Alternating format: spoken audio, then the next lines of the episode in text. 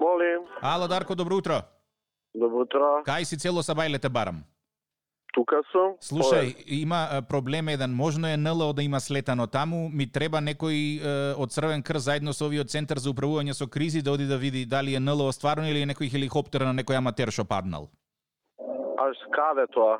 Еми, од кај Крива Паланка према Бугарија, кога одиш на границата, горе на брдото од десна страна, кај тој швалерајскиот мотел. Мгм.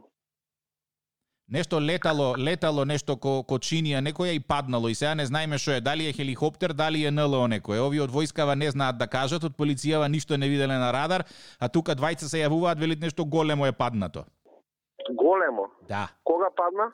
Еми, кога паднало ноќеска, не знам. Ја исклучен ми беше телефонот цела ноќ, оти на карантини, сега ако видов 20 пропуштени повици и 17 пораки. Мгм, мгм, мгм. Што тоа, А- пошто ти си тој одборот за катастрофи, то катастрофа валјда е. Да, ма, а, каде, а, локацијата каде е точно? Швалерајскиот мотел, знаеш кај кога одиш према Бугарија? Кое? А, добро, а, добро Хантер. Те и сега чека да те прашам ја нешто. Како знаеш ти дека тоа е швалерајски мотел? А ти така ме прашуваш, тоа е едини нагоре хотел што има. А, добар си се вадиш. Слушај, тебе ќе те бива и за за унапредување ако го решиш ова со со НЛО-то да знаеш. Па не, за оди- едини а, мотел што има нагоре е Хантер. Да, и сега знаеш што е најинтересно? Таму пишувало на тоа чинијата што што паднала доле, е, од тие од Марс донеле нешто и пишувало тамо среќен му роден ден на Дарко.